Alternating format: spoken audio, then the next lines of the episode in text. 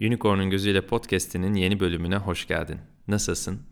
Bugün rüyalar üzerine konuşacağız. Rüya dediğimiz şey elementler aleminde gerçekleşir. Yani somut dünyada nasıl ki her şey elementler yoluyla tezahür eder, rüya alanı da aynı bu somut dünya gibi elementler yoluyla tezahür eden başka bir alandır.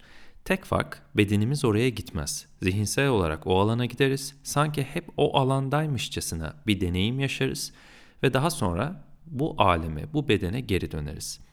Rüya yaşanırken hissettiğimiz her şey, deneyimlediğimiz her şey yine elementler aracılığıyla olur. Rüya alemindeyken toprak elementi somut olan taraf o tarafken yani rüya alemiyken dünya alemi su elementi yani soyut taraf kalır. Dünyaya geri geldiğimizde ise somut olan taraf, toprak elementi olan taraf dünya alemi su elementi yani mana tarafı rüya alemi kalır. Su rüyadan bizi en hızlı uyandıran şeydir. Yataktan çıktıktan sonra hatta uyanmak adına yüzümüzü yıkarız veya sıvı tüketiriz, kahve içeriz, çay içeriz. Yani su elementiyle uyanmanın büyük bir ilişkisi vardır. Su elementi mana tarafıyken toprak elementi somut alandır. Bu yüzden duyularımız hangi alemi hissediyorsa oraya toprak elementi deriz. Hangi alem soyutta kalıyorsa, düşüncede kalıyorsa oraya da rüya alemi deriz. Bu yüzden rüya içerisinde bazen rüya görürüz ve hatta rüya içerisinde dünyayı hatırlarız. Yani bu yaşadığımız alemi hatırlarız. Ama o bize rüya içerisinde bir rüyaymış gibi gelir. Şimdi rüyaların çalıştırdığı prensibe gelecek olursak rüyalar bilinçaltımızı çalıştırır ve bilinçaltımızda yaşanmış ve yaşanmamış her türlü olayı vuku buldurur. Bunun sebebi rüyalar aracılığıyla yaşadığımız deneyimlerin çözümlenmesidir ya da henüz yaşamamış olduğumuz deneyimlere hazırlanmaktır. Bazen rüyalar yoluyla karmalar da çözülür. Bazı karmalar rüya aleminde çözülebilecek cinstendir ve o karmaları orada çözeriz. Böyle zamanlarda o karmaların yarattığı hislerle uyanırız. Bazen gece ağlayarak rüyamızdan uyanırız. Bazense çok mutlu bir şekilde gözlerimizi açarız. Yani çözülecek karma her nasıl duyguyu ortaya çıkartacaksa, hangi element üzerinden tezahür edecekse bedenimizde de onu tetikleyerek bizi uyandırır. Böylelikle rüya aleminde çözdüğümüz o karmayı gözümüzü açtığımızda fiziksel bedenimizde de çözüyor oluruz. Yani fiziksel bedenimizde de o çözülmeyi hissederiz. Karmaların rüya aleminde çözülebileceğini duymak şaşırtıcı gelmiş olabilir. Karmaların ortaya çıkabilmesi için gerekli şartlar vardır. Rüya alemi de elementler dünyası tarafından oluşturulduğu için yani tıpkı bu dünya gibi 5 element tarafından oluşturulduğu için birçok karma rüya aleminde ortaya çıkabilir ve çözümlenebilir. Özellikle ruhsal pratikler yapan kişiler tarafından yani düzenli enerji çalışmaları, meditasyon çalışmaları yapan kişiler tarafından rüya aleminde bu karmalar bilinçli şekilde çözülebilir. Bu sebepten rüyalar ekstra önem taşır. Yani sadece rüyaları görüp geçmeyiz. Rüyalarda birçok şey yaşarız. Gözümüzü açtığımızda bunların hepsini unutmuş ve rüya değerini kaybetmiş olsa da özünde rüya sahip olduğu o değeri hiçbir zaman kaybetmez. Rüyada gördüğümüz her objenin bir anlamı vardır. Bu obje öncelikli olarak kendi anlamını taşır ardından bize ifade ettiği anlamı canlandırır. Yani rüyamızda gördüğümüz bir at sembolü ilk olarak at ne anlama geliyorsa onu canlandırır. Ardından at bizim için neyi ifade ediyorsa onu zihnimizde hayata geçirir. Bunların birleşimi aslında o atın rüyamızda hangi manada ortaya çıktığını anlatır. Atın kendi ifade ettiği anlam derken atın sadece dünyevi olarak ne anlama geldiği değil, atın her boyutta ne anlama geldiği. Yani hayvanlar ve elementler açısından bakarsak atın hava elementi oluşu, sıra dışı yeteneklerin ortaya çıkışını simgeliyor olması, ustalığı simgeliyor olması, orijinalliği simgeliyor olması, icat boyutunda bir şeyleri ortaya koyuyor olduğumuzu simgeler. Yani bunların hepsini anlatır. At bütün bunların yanı sıra bir de benim için ne anlatır, bana ne ifade eder? Bir de bu anlamıyla da rüyamda ortaya çıkar. Rüyalar büyük deneyimler içerir ama anlamlandırmak normal hayatı anlamlandırmaktan daha zordur. Aslına bakacak olursak normal hayatı da anlamlandırmak o kadar kolay değil öyle değil mi? Mesela Hayat Sana Ne Anlatıyor kitabımı okuduktan sonra eminim ki hayata bakış açınız değişmiştir.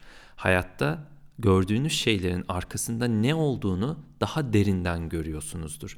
Ve de hayatın size anlatmaya çalıştığı şeyleri aslında başınıza gelen olayların içine bakabiliyor durumdasınızdır. Ama bu bilgileri edinmeden önce biri size bağırdığında sadece biri size bağırmış olur ve aslında sadece size ifade ettiği anlamda sıkışır kalırsınız ve o bağırmanın, o eylemin, o deneyimin iç dünyasında, iç yüzeyinde neler olduğunu kaçırırsınız. O zaman bu deneyim aslında biraz sığ bir tarafta kalır. Yani o deneyimin içine alamadığımızda başımıza neyin neden geldiğini bir türlü anlayamıyor oluruz ve çok boyutlu bu dünyayı küçük bir alana sıkışarak yaşıyor oluruz.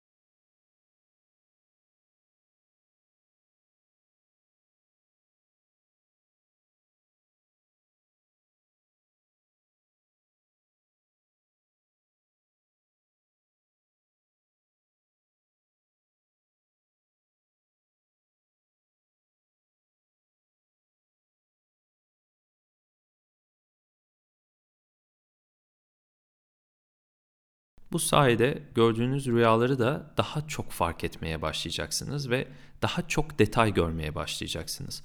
Rüyada en önemli olan şey detayları görmek. Ne kadar detay görebilirsek, rüyadaki ortamı, yaşadığımız şeyleri, duyduğumuz sözleri ne kadar hatırlayabilirsek rüyaların bize kattıklarını da o kadar görebilir ve alabiliriz.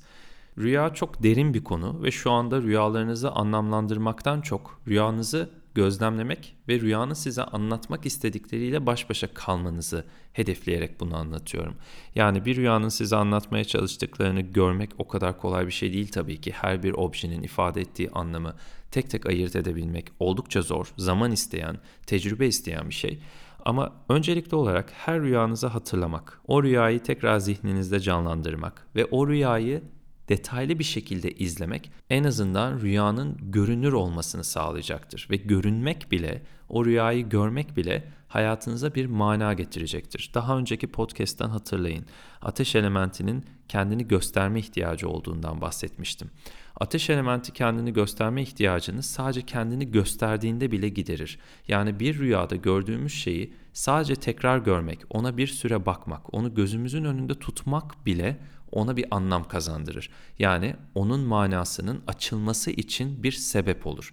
O manayı hemen göremesek bile iplik söküğü gibi onları yazdıkça, onlara baktıkça zaman içerisinde açılmasını sağlarız. Yani bilginin kapısını böylelikle aralarız ve zamana bıraktığımızda da o bilgi o kapıdan akmaya başlar. Rüyalar büyük bir bilgelik sunar aslında insana. Bazen rüyada gördüğümüz şeye meditasyonda konsantre olarak onun bize anlatmaya çalıştıklarını izlediğimizde hayatımızda çok derin noktalara ulaşmayı başarırız. Bazen gece rüyanızda çok motive edici bir rüya görürsünüz veya size çok iyi gelen bir rüya görürsünüz. Böyle bir zamanda sabah uyandığınızda o rüyaya dikkatinizi vererek meditasyon yapın. Zihninizde tekrar ve tekrar o rüyayı canlandırın.